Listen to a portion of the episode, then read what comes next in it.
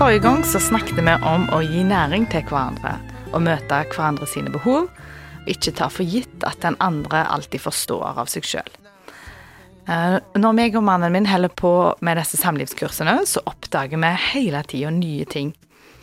Vi gjør noen oppgaver når vi er på kurs for å bli kjent med hverandre, og det høres kanskje løye ut når vi har vært gift i 20 år, men det er faktisk sant at uh, vi oppdager nye ting hver gang, og det er nyttig å gjøre disse øvelsene om igjen og om igjen. Og Gottman sin forskning han viser også det at det å ha kjennskap til den andre sitt liv, det er en grunnleggende ting for at et samliv skal være bra. Og han kaller det i sine bøker da, for det å kjenne den andre sitt kjærlighetskart.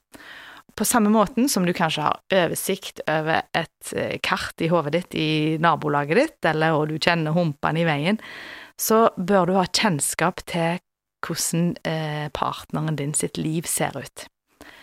Hva er det han gruer seg til denne veka, eller hva heter de nærmeste kollegaene hans? Hvem er den slektningen han liker aller best å besøke, eller hva er favorittsnopet? Og her finnes det utrolig mange kjekke måter å finne ut av ting på. Og det finnes òg noen grelle eksempler på hvordan det ikke bør være. Langt fra vinden er vår sang, drømmer fulle i boka til Gottmann står det om en eh, familiefar som eh, arbeidet så mye og var mer glad i jobben sin. Han visste ikke navnet på familien sin hund engang. Og det er kanskje et ekstremt eksempel på hvordan det ikke skal være. Men jeg kan kjenne sjøl at dette kan være utfordrende. At jeg skal liksom ha overskudd og krefter til å engasjere meg i Eh, hva som foregår inni hodet til mannen min og i hans hverdag når jeg har så mye jeg skal være opptatt av sjøl.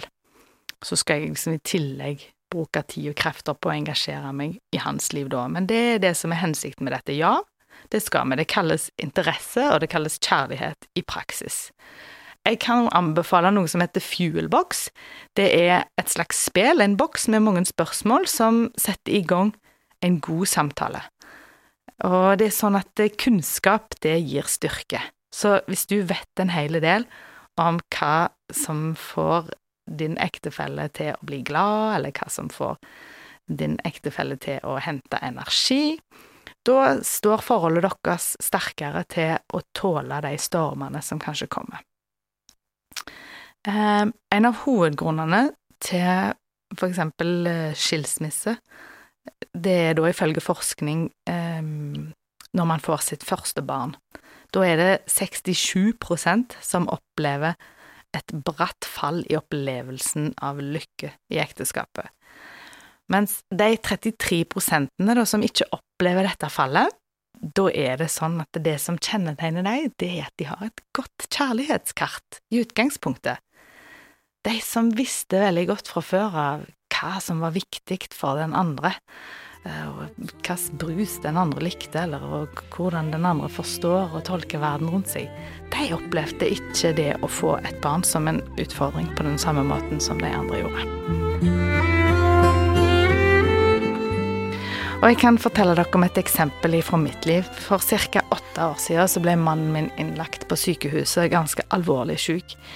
Og så skulle jeg kjøpe brus til han i kiosken, og så visste jeg ikke hva sort han likte best. Og det ble en sånn en wake-up call for meg, om at jeg faktisk må være litt mer interessert i han, og hva som var viktig for han.